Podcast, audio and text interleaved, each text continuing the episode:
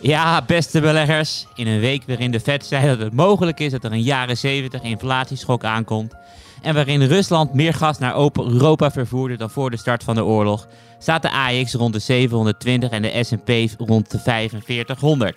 Tijd om te praten over beleggen. Dit is voorkennis. Three ways to make a living in this business. Be first, be smarter, or cheat. No, I don't cheat. Beleggersbelangen presenteert voor kennis. Ja, beste beleggers, leuk dat jullie weer luisteren. Maarten en Johan hebben andere activiteiten vandaag en daarom ben ik, Karel Merks, beleggingsspecialist bij Beleggersbelangen, nog één keer jullie presentator. De hoofdgast van vandaag is niemand minder dan Menno van Hoven. Welkom Menno. Jullie zullen Menno waarschijnlijk wel kennen van de beheerder van de dividendportefeuille. En uh, ik herhaal elke keer weer hetzelfde riedeltje, want het komt ook omdat ik onder de indruk van hem ben, want hij beheert hem nu 11 jaar lang. Totaalrendement is opgelopen naar 339 procent. En dat is een hele hoop. En dat is gemiddeld uh, 14,3 procent per jaar.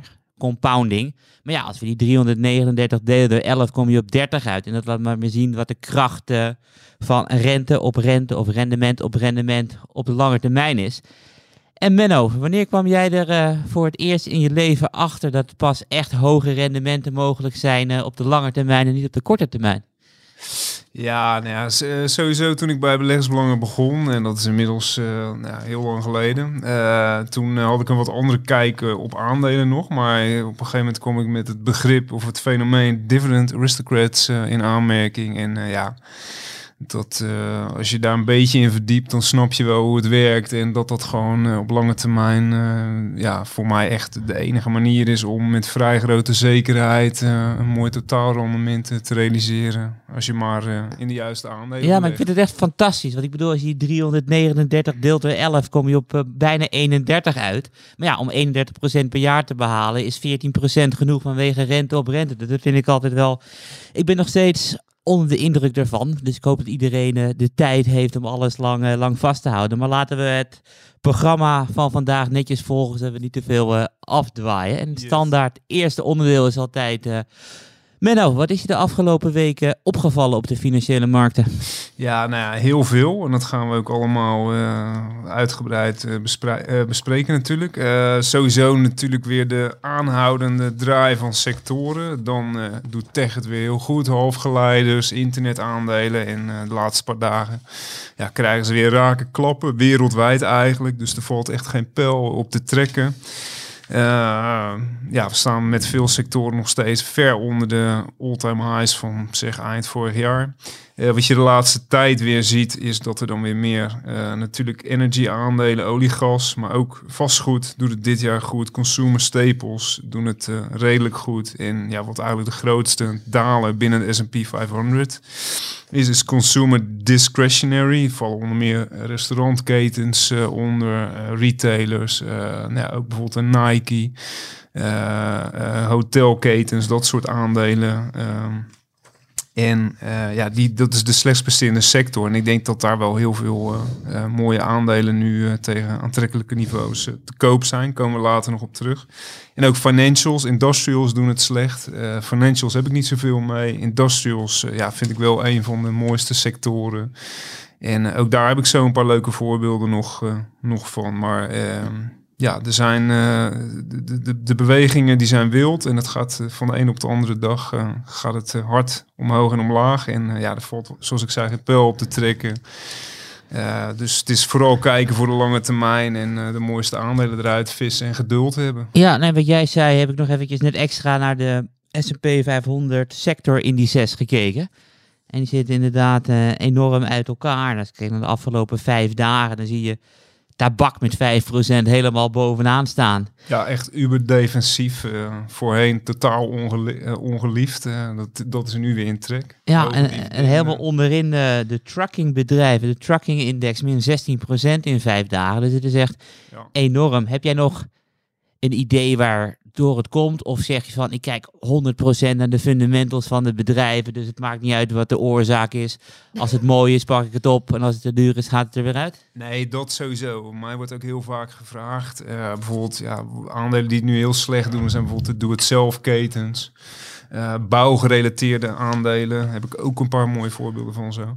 Uh, daarover wordt heel vaak gevraagd van ja, maar op korte termijn, dit, dat, wat verwacht je ervan? Ja, ik verwacht er eigenlijk niks van, maar ik zie gewoon, ik constateer dat je die aandelen nu kunt kopen tegen niveaus ver onder de koersen van pakweg half jaar geleden. Ja, ja en er zitten gewoon heel veel mooie aandelen bij die dividend jaarlijks met dubbele cijfers verhogen massaal aandelen inkopen, enorme cash genereren. En natuurlijk staan die wat onder druk nu, uh, om de bekende redenen. Maar uh, ja, op korte termijn is het gewoon onvoorspelbaar. Maar op lange termijn heb je nu denk ik voor heel veel aandelen mooie uh, koopkansen. En je ligt dus echt niet wakker van dat je nog vorig jaar een 30-jarige hypotheek kon vastsluiten uh, voor 2,5 procent. Uh, het nu gestegen is naar, naar 5 procent deze week. De hoogste hypotheekrente in de Verenigde Staten van de afgelopen 10 jaar. Dan zeg je, maakt niet uit, die bedrijven blijven gewoon geld als water verdienen. Koers te flink afgestraft, dus je moet ze gewoon hebben. En vergeet die Nee, al die macro dingen. Dat is het. Beleggen doe je voor de lange, eigenlijk zeer lange termijn. En uh, ja, alles wat daartussen gebeurt, uh, daar kun je druk om maken. Maar uh, ik zou het vooral gewoon niet doen. Nou ja, de rest van de wereld blijft zich wel druk maken, want anders zouden die koersen niet alle kanten op schommelen natuurlijk. Dus, er zijn uh, ook erge dingen aan de hand nu. En uh, maar ja, dat, dat is ook het leven van een uh, belegger. Heel veel onvoorspelbare dingen die koersen doen bewegen. Maar daar moet je juist richten op de dingen ja, die wel voorspelbaar zijn. Ja, hadden we maar een Warren Buffett wereld dat je vandaag kocht en pas over tien jaar weer een, een nieuwe handelsdag is, ik niet eens zou kunnen verkopen. Nee, ja, natuurlijk. Het is heel lastig. Ik bedoel, ik blijf zelf ook elke dag naar die koersen kijken. En uh, ja, de ene dag schrijf ik van uh, nou, bijvoorbeeld een, een nieuwe aankoop Tule gaat hard omhoog. En de volgende dag wordt gepubliceerd en staan ze weer min 4. Ja, dan sta je ook een soort van voor lul. Maar uh, zo werkt het gewoon. Het gaat zo hard op en neer. enig wat telt is lange termijn. Helemaal mooi. Maar je had nog veel meer dingen meegebracht. Volgens mij had je ook gemaild ik even over Starbucks wilde hebben, toch? Ja, nee, zeker. Starbucks, nou, is echt typisch zo'n aandeel. Zit ook uh, in de sector consumer discretionary. Uh, nou, we kennen het natuurlijk allemaal wereldwijd actief uh, met, met de koffieketens. Kwam in het nieuws vorige week. De, uh, de founder uh, Schultz, die keert terug als CEO. De vorige CEO, Kevin Johnson, die is opgestapt. Uh, omdat steeds meer Amerikaanse winkels, of althans vestigingen, het personeel wil zich aansluiten bij een vakbond. ze klagen over hoge werkdruk, druk, te weinig bescherming tegen corona. En ja, Starbucks zelf is, is daar veel op tegen. En uh, ja, die nieuwe CEO, of althans de, de founder, die, uh, die komt dus weer terug. En een van de eerste dingen die hij aankondigde is dat hij uh, de buybacks uh, gaat schrappen. Ja, dat, ik heb daar nog nooit van gehoord eigenlijk. Of althans niet om een dusdanige reden. Want wat ze willen doen, ze willen dat geld, miljarden die anders naar aandelen inkoop gaan, willen ze investeren in personeel lees ik tussen haakjes om die tevreden te houden. En in uh, investeren in winkels, et cetera, om het bedrijf weer uh, op de rails te krijgen, op de rit te krijgen. Uh, ja, dus dat was wel bijzonder nieuws. De koers kreeg een enorme klap. Starbucks dit jaar min 29 procent. Ja, het blijft wel gewoon, denk ik, een heel mooi aandeel. Dividendrendement is nu 2,4 procent. Uh, dividend 11 jaar op rij omhoog. Uh, dat is natuurlijk mijn ding waar ik naar kijk. Vorig jaar plus 9%. Dividendgroei zwakt wel wat af. Maar ja, vooral voor de sector op lange termijn blijven de fundamentals wel, uh, wel heel goed. Maar ja, niet alleen Starbucks, eigenlijk alle restaurantachtige bedrijven liggen gewoon zwaar onder druk dit jaar. combinatie van oplopende kosten, inflatie. ja, goed ik zie wel gewoon kansen ook in die sector.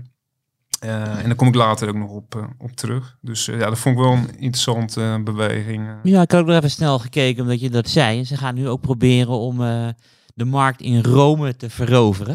Ik geloof dat daar dit jaar de eerste Starbucks komt. Ik ben wel benieuwd met al die Italiaanse koffietentjes of dat gaat lukken.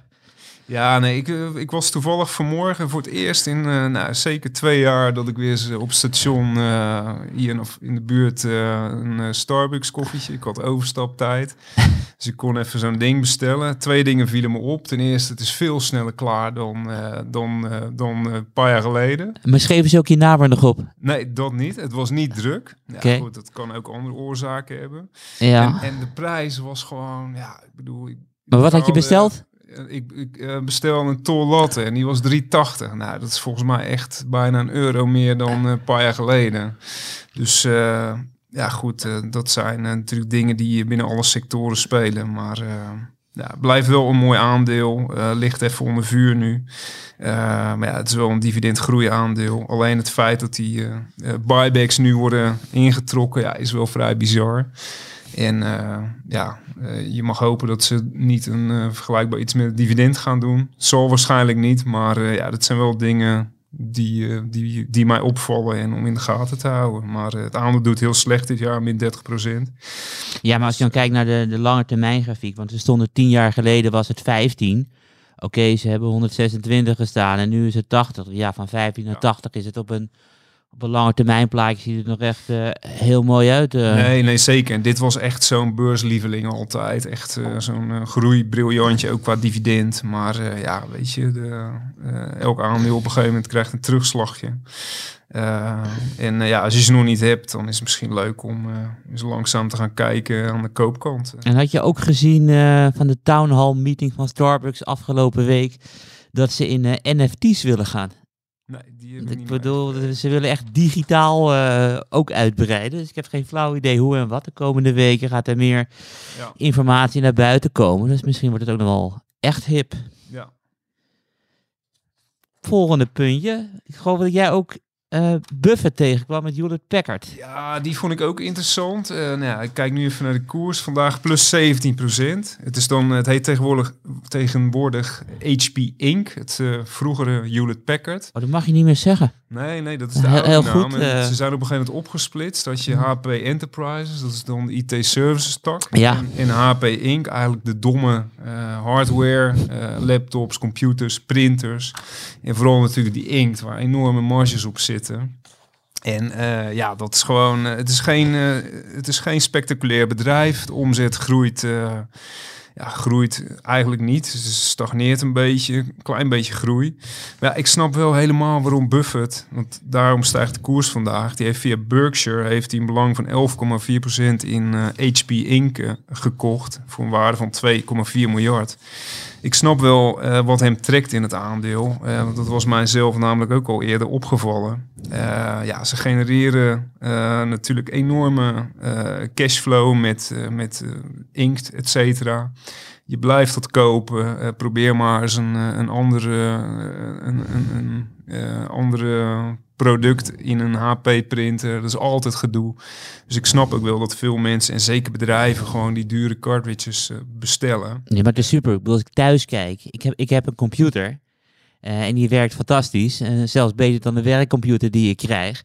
Maar printers, ik bedoel, ik ga er thuis niet aan beginnen. Ik print gewoon op kantoor. Dus Ja. ik kan wel voorstellen dat het een, nog steeds een ingewikkelde markt is om iets te doen. Nee, nou precies. Ja, ik werk veel thuis, dus ik heb thuis ook een printertje. Misschien moet ik trouwens al die dingen eens een keer gaan declareren, maar dat is een andere vraag. Nou ja, je leidinggevende zal meeluisteren, dus eh, de boodschap is overgekomen, Heel- denk heel ik. goed.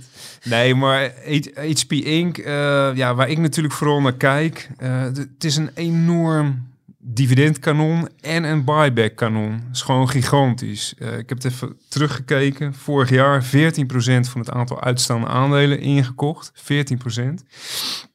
2020 7%. De verwachting is voor eh, ja, het lopende boekjaar dat ze ook meer dan 10% van het aantal uitstaande aandelen inkopen. En dat kan allemaal met een eh, vrije kaststroom, eh, free cash flow yield van 13%. Nou, daar kijk jij natuurlijk ook naar, Karel. Ja, zeker. Weet je, waar ik vorige week buiten de end- uitzending met jou over had. Ik bedoel, ik vind het fascinerend dat er aandelen zijn die gewoon op lange termijn zoveel free cash flow kunnen genereren om zichzelf volledig private te nemen. Ik bedoel, als Apple net zoveel aandelen inkoopt de komende tien jaar als de afgelopen tien jaar, dan is er geen enkel aandeel meer over. Dus ik ben wel heel erg nieuwsgierig hoe ver bedrijven dit eh, kunnen pushen. Nee, precies. Joh. En dit is echt zo'n aandeel. eh, ja, ze doen niet alleen die buybacks, maar vooral dividend. Vorig jaar, dat was echt een, eh, een eye-catcher voor zo'n bedrijf. Dividend plus 29 procent. Elf jaar rij verhoogd. Ja, kijk, ik zou het... Het het staat hoog op mijn eh, lijstje, maar ik zou bijvoorbeeld nooit voor de dividendportefeuille opnemen. Omdat? vanwege de, de business en ehm, de, de, ja, de, toch voor de lange termijn eh, ze groeien niet. Ik wil wel gewoon ook omzetgroei zien. Ja, want jij zegt ook altijd, ik denk niet over volgend jaar na. Ik denk ook niet over tien jaar na. Bij mij gaat het om om het hoogste rendement te halen op een termijn van 20 à 30 jaar. En dan is het gewoon Ja. belangrijk dat de business overleeft. En leuk dat eh, oliebedrijven dit jaar dividend sterk kunnen verhogen en inkomen. Over 30 jaar gebruiken we minder olie dan nu. En jij neemt geen enkel risico, want jij wil gewoon... Wat, wat zei je ook alweer? Met hoeveel moet je beginnen om na zoveel jaar op een miljoen te eindigen? Je had altijd zo'n mooi rekensommetje, geloof ik, de afgelopen jaren. Poeh, ja, daar zou ik nog eens even weer terug moeten kijken. Nee, ik, eh, maar, maar wat, wat bij HP Inc. eh, wat, ja, ik, ik zie het een beetje in de hoek als eh, wat je al noemde, olie, gas, tabak. Nou, daar ligt dan een hele sociale druk op. Dat heb je natuurlijk niet met, met dit aandeel. Nou, daarom zal Buffett ook door, toe aangetrokken zijn. Maar ja, we weten allemaal dat hij kijkt naar buybacks. Eh nou ja, dividend is natuurlijk ook hartstikke mooi. De yield is niet heel hoog. Eh, eh, op dit moment, even kijken. Ja, in mijn hoofd iets van rond de 3%. Maar ja, ik snap dat hij hierin investeert. Eh, het is gewoon solide business, mooie kaststroom. ja, niet heel spectaculair qua groei. Maar wel gewoon qua eh, eh, shareholder eh, returns. En dat zoekt Buffett natuurlijk. Dus ja, dat is opvallend. Vandaag plus nou, 18% inmiddels. Grote stijgen binnen de S&P 500. Ehm, en zal ik gelijk zelf doorgaan met, met het volgende puntje? Of Dat, dat mag ook weer, maar ik bedoel, ik vind het altijd nog even leuk om over Berkshire te praten, uiteraard. Zeker, sorry Karel. Ja, dat maakt niet uit. Ik bedoel, het is ook mijn, een aandeel wat ik volg. Ehm, het enige... En, en getipt hebt op eh, veel lagere niveaus dan waar ze nu staan. Ja, zeker. Het is meer dan, eh, dan verdubbeld. Eh, alleen als je kijkt naar de afgelopen jaar, is er alleen al 67% bijgekomen. En, en Buffett zegt zelf, de beste manier om een aandeel te valueren is door te kijken naar het verschil in boekwaarde en beurskoers. Nou ja, als je daarnaar kijkt, is Berkshire wel inmiddels op de duurste prijs van de afgelopen tien jaar beland. En het is echt bizar dat op het moment dat je een, een Russische inval hebt in de Oekraïne, dat Berkshire nog gewoon elke dag doorstijgt. En hij is weer helemaal, eh, helemaal hip. Dus eh, nu mag je doorgaan eh, met het volgende onderwerp. Nou, ik was heel toevallig. Ja, week, eh, mag, mag ik dat inleiden, Benno? Ik vind het fantastisch. Menno Ja, komt de redactie binnen en die zegt tegen eh, collega Stefan... Stefan, kom eens, dit moet je echt ruiken. En ik denk, wat, waar gaat dit over? En Menno haalt een jaarverslag eh, uit zijn tas en, Menno, en Stefan ruikt. Ik denk, oh, ik wil ook even ruiken. Dus ik loop naar je toe. Ik ruik aan dat jaarverslag en ik kom er toch een kaneelgeur uit. En dat mag je even uitleggen. Ja, nou ja, dat eh, klopt helemaal. De geur van dit jaar van eh, McCormick, eh, dat is een, een producent van kruiden, specerijen, leveren ook aan, aan de food service eh, business. Maar goed, ze maken dus vooral kruiden, specerijen. In Nederland zijn ze ook actief. Ze zijn ook de laatste jaren meer gaan specialiseren in hot sauces. En wat doen zij? Helemaal in geheel in de traditie van, eh, van de business doen ze elk jaar hun jaarverslag, geven ze een geurtje mee.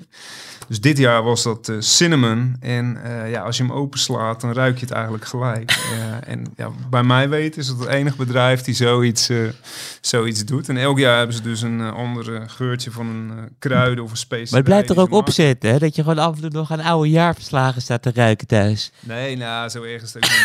Maar uh, het, is, het, is, het is helemaal door, uh, doorspekt. dus uh, heel grappig. Maar uh, ja, om terug te komen op McCormick. Is een dividend aristocrat. Ik heb het een jaar geleden getipt. Dus volgende week uh, komt hij voorbij als uh, tip terugblik uh, in beleggersbelangen. En ja, het is gewoon een heel mooi aandeel. Dividend 36 jaar op rij omhoog. Vorig jaar 9% verhoogd. Elk jaar komt er 8, 9, 10% dividend bij. Aandeel staat ook vlakbij de all-time high. De waardering is altijd hoog. Maar ja, dat past nu eenmaal bij dit soort bedrijven die gewoon heel stabiel groeien. En uh, 2021 was een recordjaar voor McCormick. Uh, juist door corona. Want consumenten meer thuis koken, zelf eten maken, kruiden, specerijen, sauzen erbij. Dus dat was echt booming business. Maar dat, dat vind ik altijd wel moeilijk om te begrijpen. Want op het moment dat jij, je kan maar één keer dineren per dag. En maakt het dan uit of je thuis kaneel over je eten gooit. Of dat je naar een restaurant gaat waar hetzelfde kaneel over je eten gaat. Maar toch is het...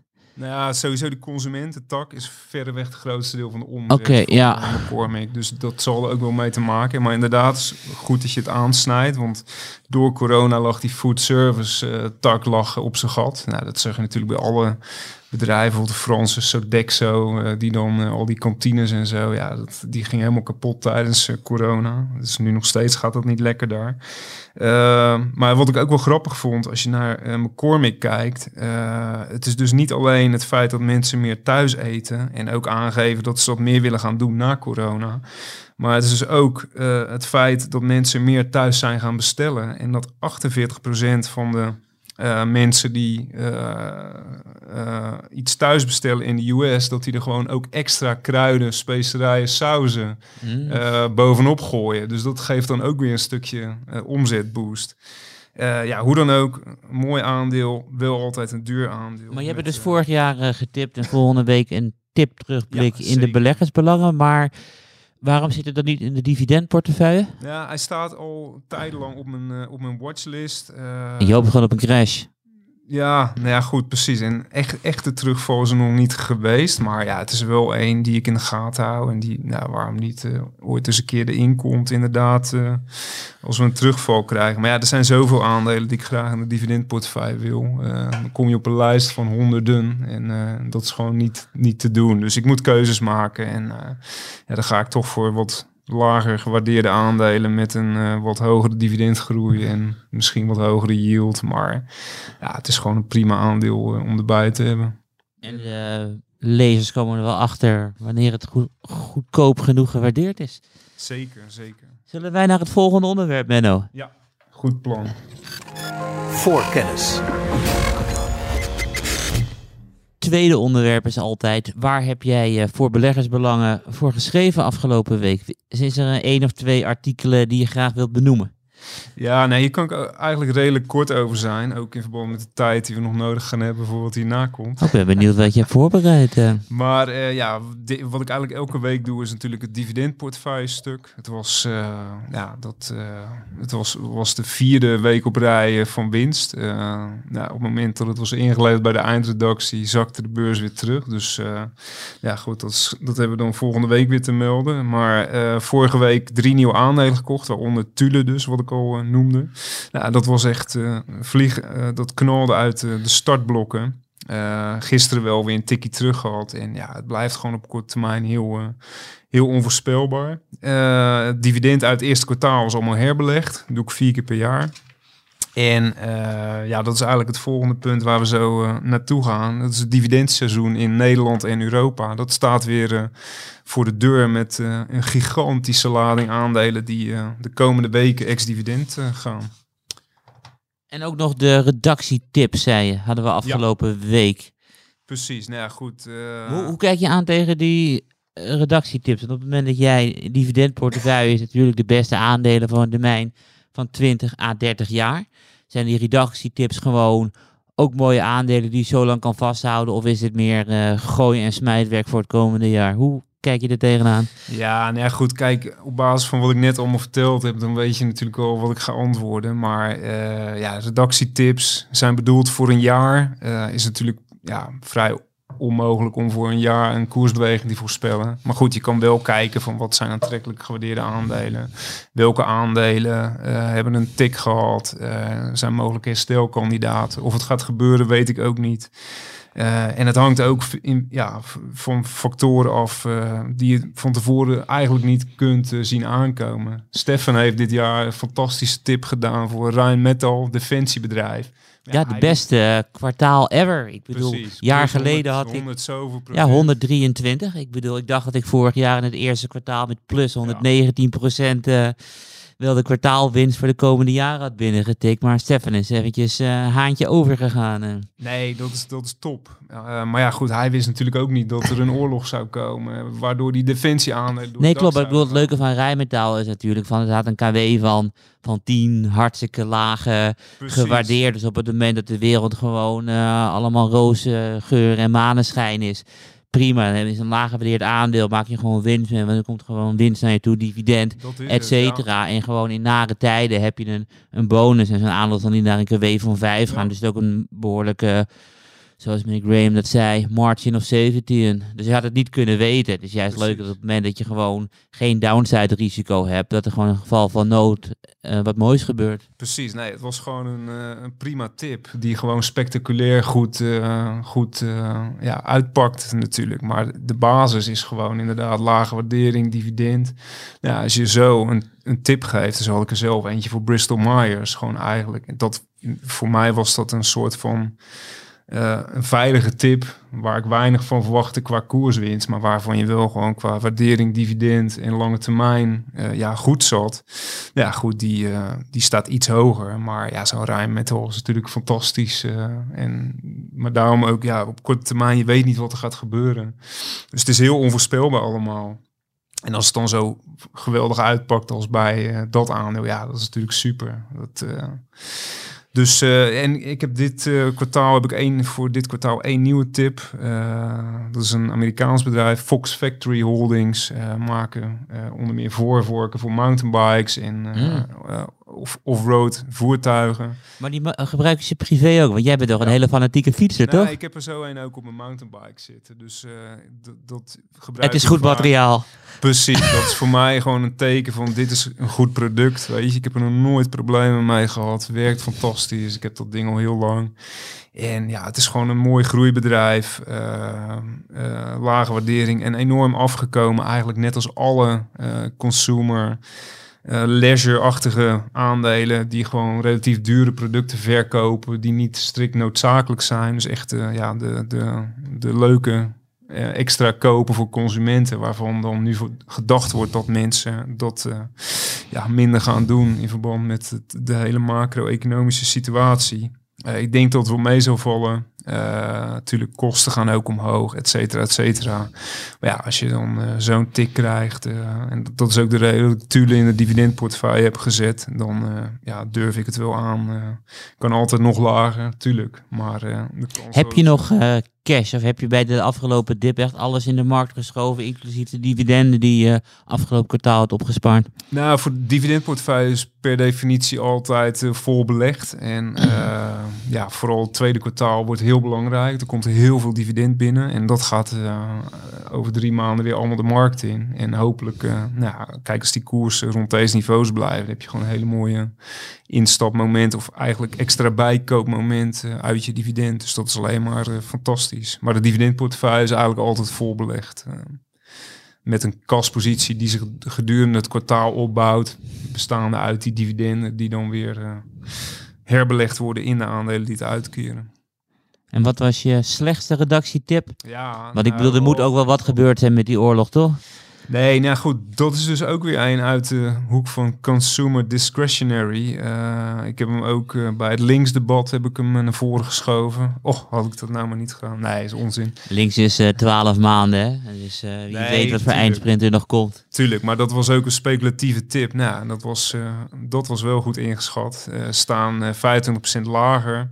Ja, ik geloof nog steeds in het bedrijf. Ze maken outdoor producten. Heb je een naam? Eh, ja, sorry. Dat is RVRC Holding. Eh, ja, moet je maar eens op googlen. Revolution Race.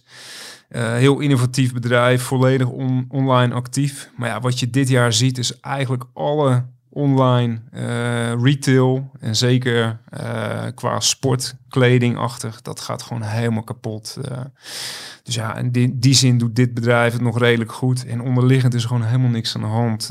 Omzet groeit fantastisch. Dividend gaat dit jaar hard omhoog. Schuldvrij. Dus eigenlijk het verhaal wat ik drie maanden geleden had, dat, dat staat nog steeds overeind. Alleen ja, het is een wait-and-see markt bij beleggers. Eh. En alles gaat kapot. Ook Nike eh, doet het heel slecht dit jaar. Adidas.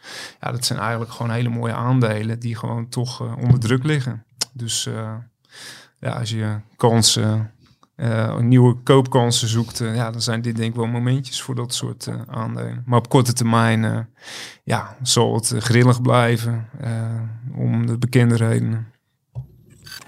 Voor kennis. Dan zijn we nu bij onderwerp 1 eh, aangekomen. Het dividendseizoen in Nederland, Europa gaat nu echt beginnen, mailde je mee. Ja. Nou ja, goed. Het, eh, het leuke ervan, ik heb natuurlijk eh, elk jaar schrijf ik een omslagartikel over Nederlands dividend. En ja, dit vandaag is eigenlijk echt ja, de laatste podcast die we konden aangrijpen om het dividendseizoen aan te kondigen. Want ik heb het ex-dividend kalendertje wat in beleggersbelangen staat. En Kalender, kalender. niet met verkleinwoordjes spreken. Nee, precies. Of heb je ook een baantje en een hobbytje? Nee, het is ook een flinke lijst, dus eigenlijk is het gewoon een kalender. Nee, en dan zie je dus echt dat vanaf eh, 11 april, nou ja, dat is dan Ordina, eh, dan gaat het eigenlijk dagelijks los met aandelen in Nederland die eh, ex-dividend noteren. En dat duurt dan gewoon eh, tot, eh, tot eind mei. Dus laat maar zeggen, de komende zes, zeven weken heb je elke dag wel aandelen die ex-dividend noteren in Nederland, maar ook elders in Europa. Eh, nou het leuke in, in Europa is eigenlijk dat je eerst ziet dat, dat de Zwitserse aandelen met de Scandinavische aandelen ex-dividend noteren. Dat is al eigenlijk weken aan de gang. Dat gaat ook nog wel even door. En ja, dan komt op een gegeven moment eh, Duitsland, Nederland, eh, Frankrijk komen erbij, UK, veel betalen halfjaarlijks, dus dat, eh, dat loopt sowieso wel door. Maar ja, dit is echt het moment, want veel aandelen betalen nog steeds één keer per jaar dividend om, om die dividenden te cashen. De komende weken gaan ze allemaal ex-dividend. En soms hoor je beleggers van, hé, hey, daar wil ik op inspringen. En die denken dan, ik koop het vlak voor het dividend om het dividend te krijgen. Werkt dat? Nee, ja, dat is de. We kregen vroeger ook nog wel eens van die e-mails kreeg ik in mijn inbox van oh, ik wil dividend hebben en dan verkoop ik het de dag erna weer. Ja, dan eh bedoel de koers in principe gaat wordt gecorrigeerd voor dat dividend, dus dat heeft weinig zin. Ja, dus als een koers 50 noteert en het dividend is 2 euro, dan opent die dag gewoon op 48. Precies. En dan heb je dan twee ontvangen en je ziet wel vaak dat de koers echt het volledige Ja. dividendbedrag daalt. Dus het maakt eigenlijk, als je gewoon een mooi aandeel hebt, niet uit of je het vlak voor de Precies. dividenduitkering koopt, erop of daarna. Precies, precies. En vooral in Europa, ja, omdat er vaak maar één keer per jaar wordt betaald, ja, krijgt die koers vaak best wel een tik. Eh, terwijl in Amerika, waar het gewoon per kwartaal is, ja, zie je die impact veel minder, omdat het eh, vier keer per jaar een relatief klein bedrag wordt, eh, wordt uitgekeerd. Maar nou, ik heb een paar aandelen, ook uit het omslagverhaal heb ik erbij gepakt. Ehm, dus ik heb onder meer gekeken naar, wat zijn nu de hoge dividenden, eh, welke aandelen zijn weer begonnen met dividend betalen? Wat zijn de grootste dividendverhogingen? Welke bedrijven keren extra dividenden uit? En eh, nou, ja, dat valt natuurlijk allemaal terug te lezen in dat verhaal. Van, Ja, we willen wel een paar namen horen, Menno. zeker, zeker. Ik heb ook wat, eh, wat opgeschreven. Aandelen met een hoog dividendrendement. dit jaar van Landschot Kempen. PostNL uiteraard. Voor Farmers. En wat voor percentages eh, hebben we het dan over? Nou, exact heb ik nu niet eh, bij de hand, maar dan moet je wel tussen de 7 en de 10 procent eh, rekenen. Randstad die betaalt en een flink hoger extra dividend, 35 procent omhoog dit jaar. En die komen of een eh, 35 procent hoger regulier dividend. En die betalen aan het eind van het jaar nog een extra dividend. En dan bij elkaar opgeteld zat je tegen de 10 procent aan. Eh, een ander aandeel, wat vorig jaar overigens niet uh, uitkeerde, is Newways Electronics. Eh, betalen in totaal, eh, nou, ze betalen 1,6 regulier en 28 cent, wat ze over 2019 niet hadden uitgekeerd, doen ze nu alsnog. Bij elkaar 1,34 zit je ook op bijna 10% dividendrendement. Dus ja, dat zijn wel uitschieters.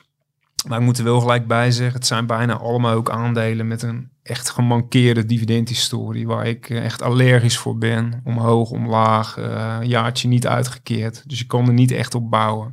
Maar ja, dat zijn natuurlijk wel PostNL is er ook zo. Wanneer, ga je, wanneer vind jij het voldoende? Ik bedoel, moet je dan echt een officiële aristocrat zijn met 25 jaar? Of kan je ook al eerder blij worden? Nee, nee, zeker niet. Kijk, uh, zodra ze op die 25 zitten, komen ze ook in de pictures, ze worden opgenomen in lijstjes. Dus dat is eigenlijk, uh, natuurlijk is het nog steeds een goed moment, uh, afhankelijk van waardering en vooruitzichten om erin te gaan.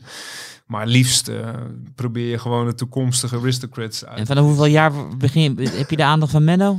Nou ja, kijk, ik, ik bedoel voor de dividendportefeuille. Ik zou ook makkelijk een aandeel eh, wat slechts één jaar dividend betaalt. Oké. Dan neem je al een soort van gokje. Maar waarom niet? In het verleden heb ik volgens mij ook eens een keer Dow Chemical gekocht voor de dividendportefeuille. Een paar jaar nadat ze dividend hadden eh, geschrapt en weer zijn gaan uitbetalen. Dus weet je, het gaat vooral om de vooruitzichten. Natuurlijk, dividendbeleid is belangrijk. Vaak melden ze ook wel dat ze een progressief dividend willen betalen. Ja, dat is natuurlijk een eh, mooie voet eh, achter de deur. Maar er zijn ook bedrijven, dan wel qua activiteiten, dan wel qua dividendbeleid of whatever. Ja, waarvan je van tevoren al weet van wat je dit jaar krijgt. dat is volgend jaar totaal, kan totaal weer anders zijn.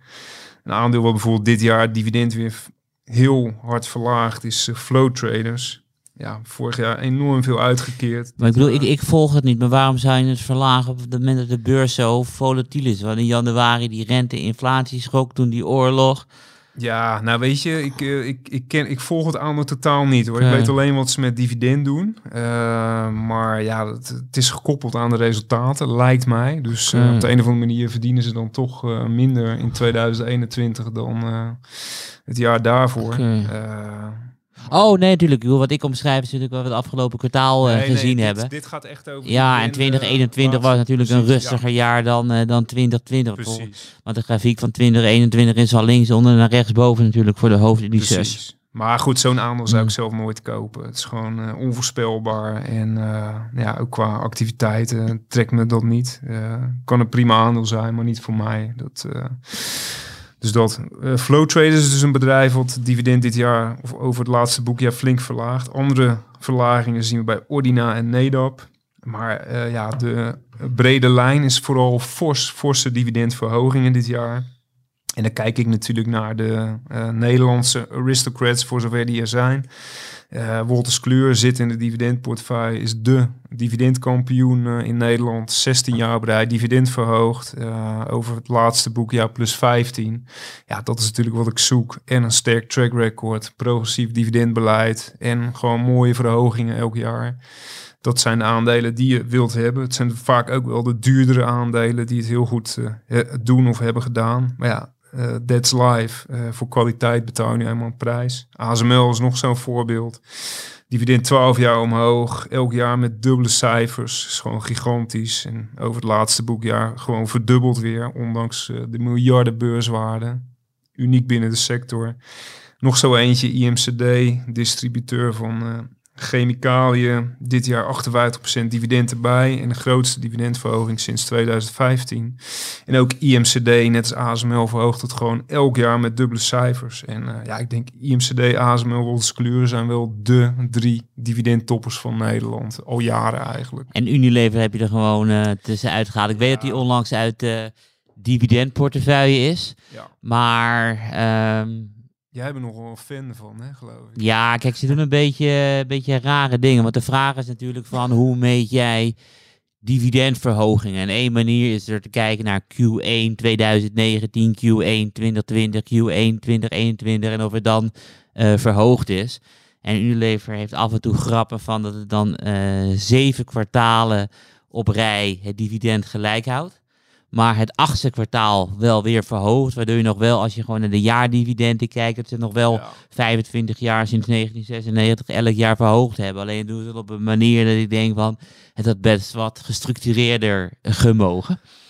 Nee, absoluut heel herkenbaar. Ja. Er zijn ook heel veel van dat soort sneaky aristocrats die gewoon echt het laatste nippertje, nippertje, Ik nippertje. bedoel, Unilever is een sneaky aristocrat. Er gewoon zeven Ja. kwartalen op rij en daarna te verhogen. Ja, Ja. nee, precies, weet je. Maar ja, jij was er eh, vorige maand klaar mee volgens mij. Nou ja, ik heb eh, het, het grappige, of het is eigenlijk helemaal niet grappig. Eh, ik, toen ik de Ik dividend... Heel goed, heel goed. Toen ik de dividendportefeuille begon, waren het 25 aandelen, allemaal met een weging van 4%. En op een gegeven moment, eh, de Unilever zat gewoon op een weging van 2,4%. Nou, Ja, dus heb je dan- gewoon gehalveerd. eh, een zware, zware underperformance. En eh, ja, dividendgroei doen ze niet mee wat ik wil. Ehm, en eh, nou ja, er zijn gewoon veel betere aandelen. Dus op een gegeven moment moet je gewoon eruit. En ik kon nu dus een vervanger vinden. Wel eh, andere business natuurlijk. Met een bijna gelijk dividendrendement. Wat gewoon elk jaar omhoog knalt. Ja, dan... eh bedoel, het is een dividendgroeiportefeuille. Geen eh, boring hoog dividendportefeuille. Dat, dat is weer voor een andere doelgroep. En daar is de Unilever trouwens nog wel Oh, in. ik, dat je, z- ik dacht je zeggen, het is jouw doelgroep. Ja, ik kom wel in de buurt, maar nee. nee, maar Unilever, joh, onderliggend eh, helemaal niks mis mee. Eh, ja, is heel mooi aanwezig in opkomende markten. Eh, dat is allemaal, ziet er heel goed uit. Waardering is allemaal prima. En zo. De waardering is heel erg laag. Ik bedoel, Precies. per euro beurswaarde hebben ze 6 cent cashflow.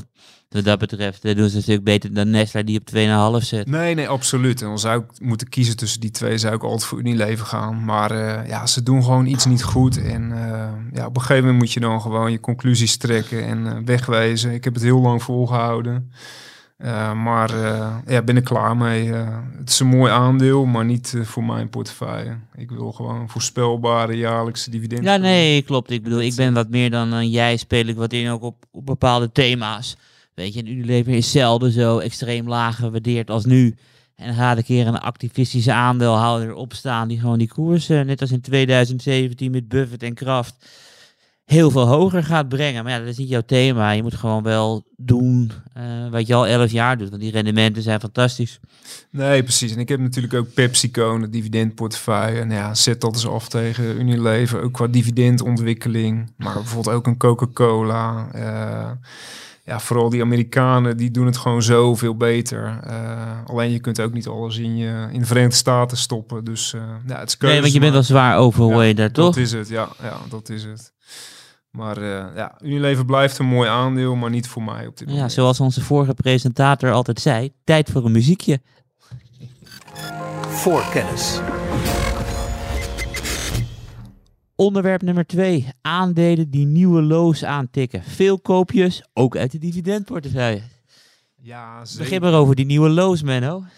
Ja, nou ja, goed. Ik, eh, een van de dingen die ik altijd wel doe, elke dag, eh, als het lukt, is even kijken naar eh, de, de all-time highs of de 52-week highs en lows.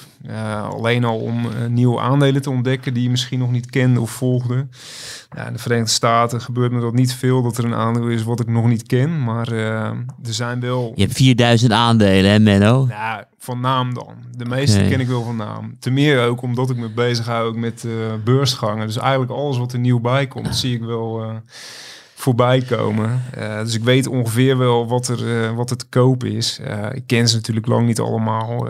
misschien heel oppervlakkig of, of alleen van naam.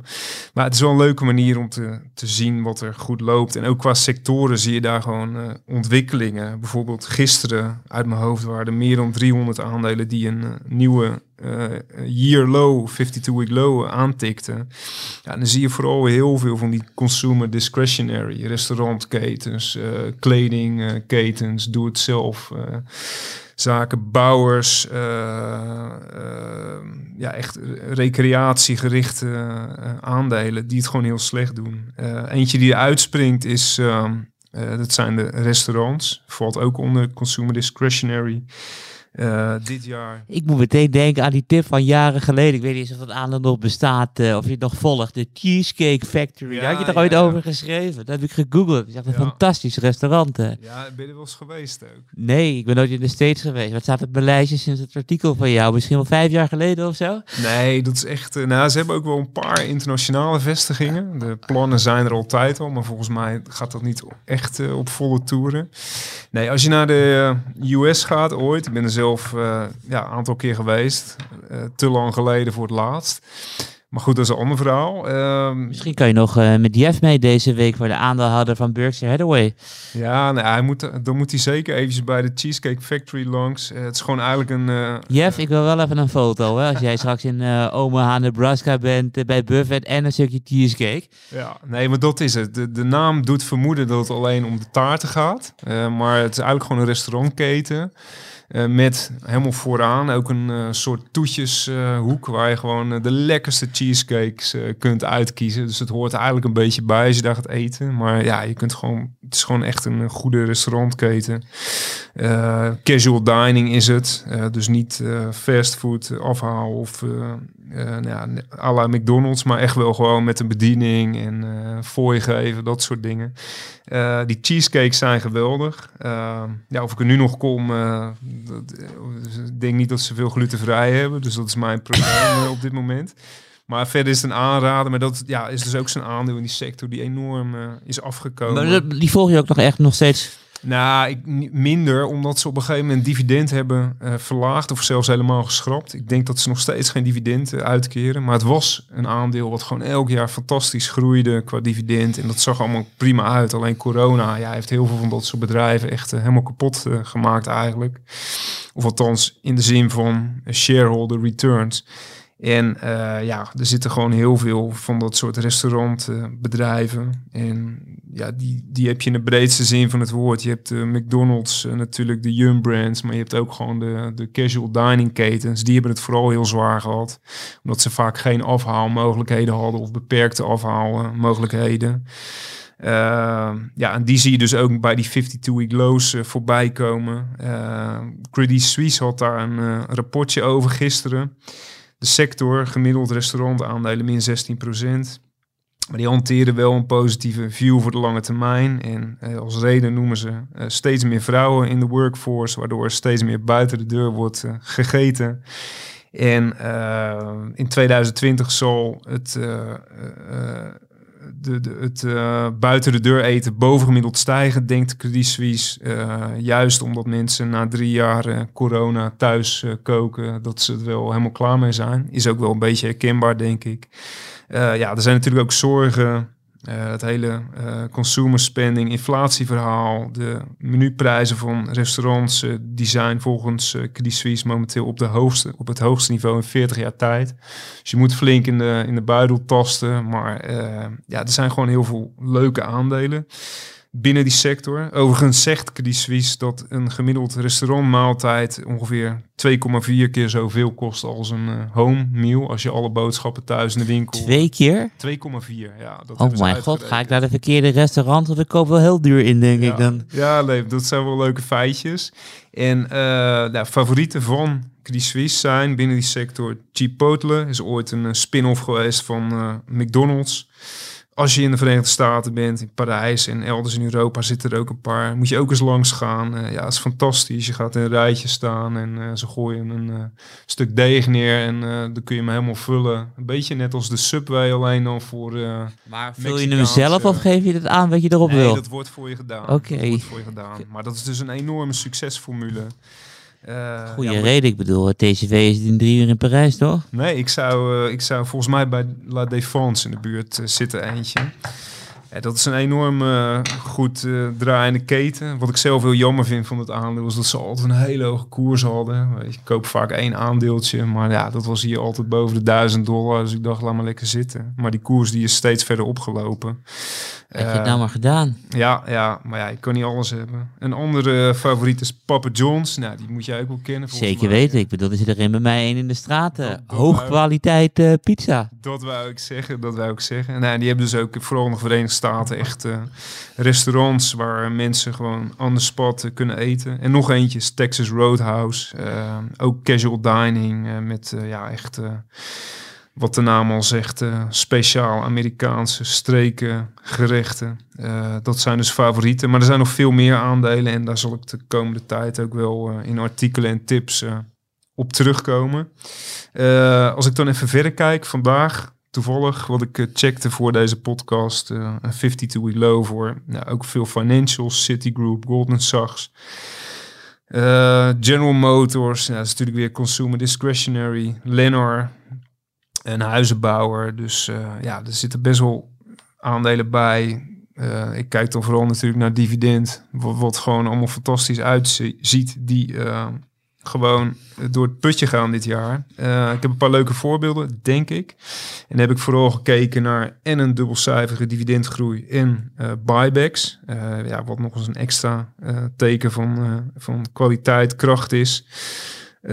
Want als jij aandelen kunt inkopen, dan heb je vaak een dusdanige cashflow dat je naast dividend, schuldenreductie, investeringen gewoon ja, extra speelgeld hebt, wat altijd een appeltje voor de dorst is en een soort eh, vangnet voor dividend ook natuurlijk. Ehm, een aandeel wat uitspringt voor mij is Allegion. Uh, dus een slotenmaker.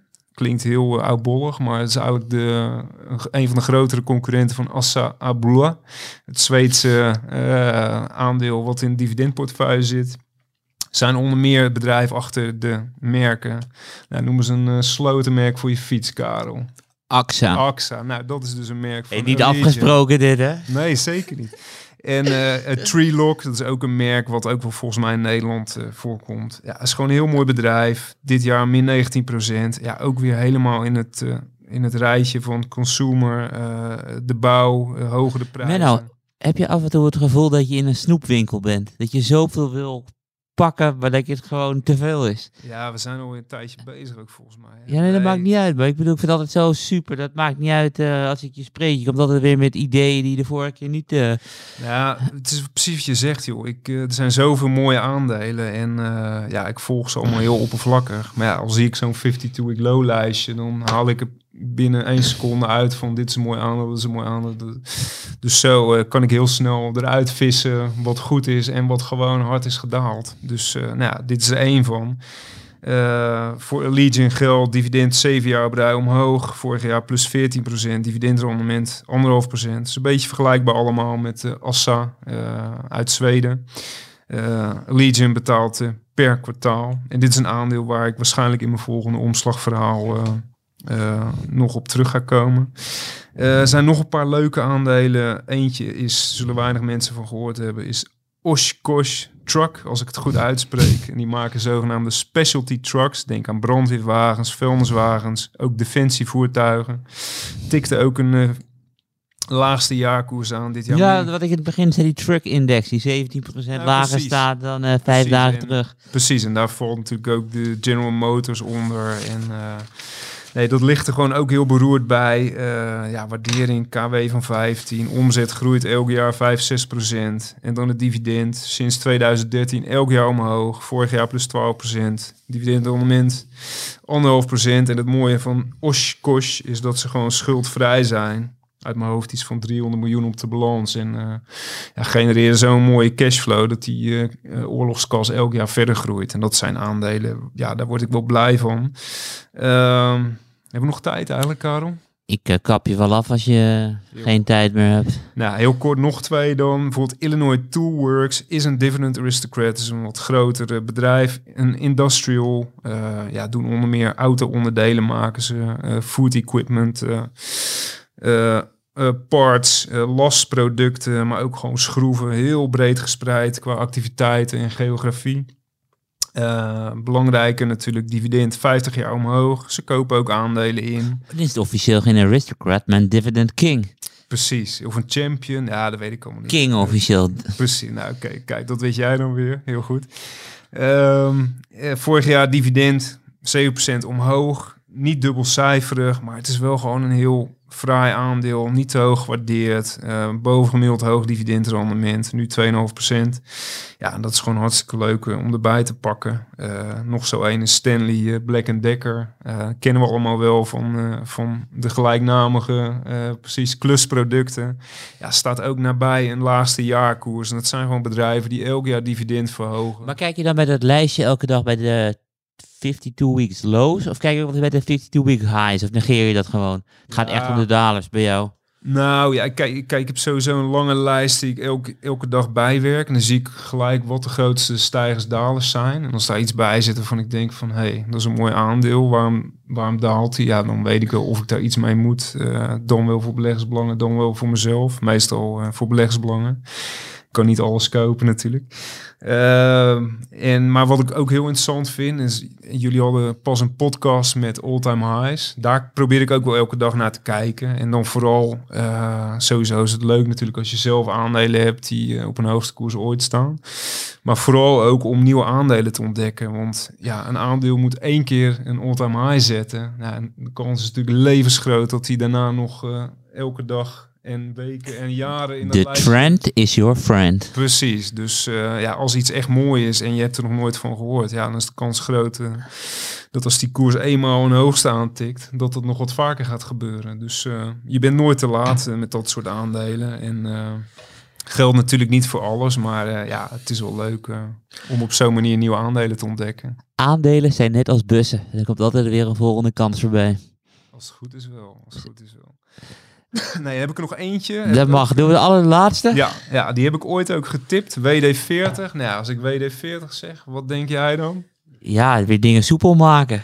Precies. Nou, het is gewoon echt een hele sterke merknaam. Eh, ja, het gebeurt mij wel eens dat mensen zeggen, oh, ik pak even WD-40. Dus het is ja, net als een Coca-Cola of een, uh, nou noemen ze een voorbeeld, uh, dat een, een bedrijfsnaam, een merk of een Er zijn merk. een heleboel, zoals eh, Spa Blauw is natuurlijk een merk en een categoriegroep. Aspirine kopen, is ook beursgenoteerd. is een, eh. Productgroep. Ja, je hebt er zoveel. Precies, nee, dus ja, dit is ook een heel mooi voorbeeld daarvan. Ze maken natuurlijk die smeermiddelen, multi-use, maar ook een hele lijn speciaal voor fietsen. Eh nou, dat gebruik ik zelf ook. Eh, ja, dit is een aandeel wat ook gewoon qua eh aandelen inkoop, qua dividend. Dividend gaat nu 12 jaar omhoog.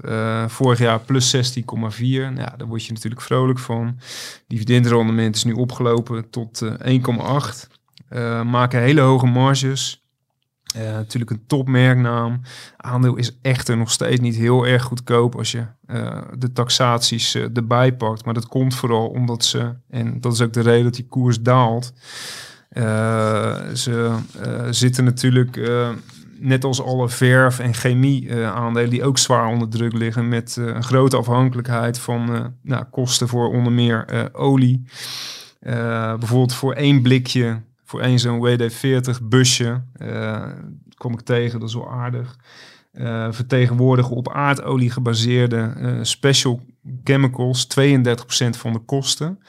Het blik eh 31% en plastics, nou, wat natuurlijk ook uit olie komt, 20%. Dus ja, meer dan de helft van je kosten zijn afkomstig van olie. En als die olieprijs oploopt, ja, dan heb je gewoon een probleem. Want je kunt niet oneindig doorrekenen aan je klant. Dus daardoor ligt die koers onder druk. Eh, dus ja, mocht, mocht die olieprijs weer terugkeren naar normale niveaus, ja, dan zijn dit wel aandelen die natuurlijk eh, als de brandweer gaan, eh, gaan stijgen. En dan heb ik nog één ter afsluiting. Die zijn eh, het de allerlaatste al, Menno. Nee, nee, nee, maar dit gaat, God, ik over- geef je een vinger en je pakt meteen mijn hele arm. gaat over dit aandeel. En dat wil ik jullie echt niet onthouden. Want ik heb namelijk eh, uitgevogeld waar die naam WD-40 vandaan komt. En dat is wel grappig. Huiskamervraag, wie Ja. weet het? Ja, nou, ik heb het, eh, ik heb het eh, helemaal in de Google Translate gegooid. Dus ik ga het gewoon helemaal eh, oplezen. Anders dan eh, eh, komt het eh, niet zo professioneel over. In 1953 begonnen ze een eh, bedrijf, Rocket Chemi- Chemical Company. eh, nou, dit is ook geen goed idee. Anyway, de, de founders of de, de bedenkers van WD-40 werkten in een klein laboratorium in San Diego. En het kostte hen 40 pogingen om de waterverdringende formule uit te werken. Maar ze moesten echt goed zijn geweest. Want de originele geheime formule voor WD-40, multi-use product, ja, ja, wat staat voor water displacement, ge- eh, werd geperfectioneerd bij de 40ste poging. Dus daar komt die 40 vandaan. En dat WD dus voor water displacement. Dus zo eh, komen ze aan de naam. Vond ik wel een leuk feitje. We worden nog een keer die intellectuele hier. ja, goed hè. Nee, dat zijn de leuke. Daar word ik vrolijk van, dit soort dingen. Ik word vrolijk eh, van jou, Menno. Eh, tijd voor een muziekje. Ja, doe maar. Voor kennis.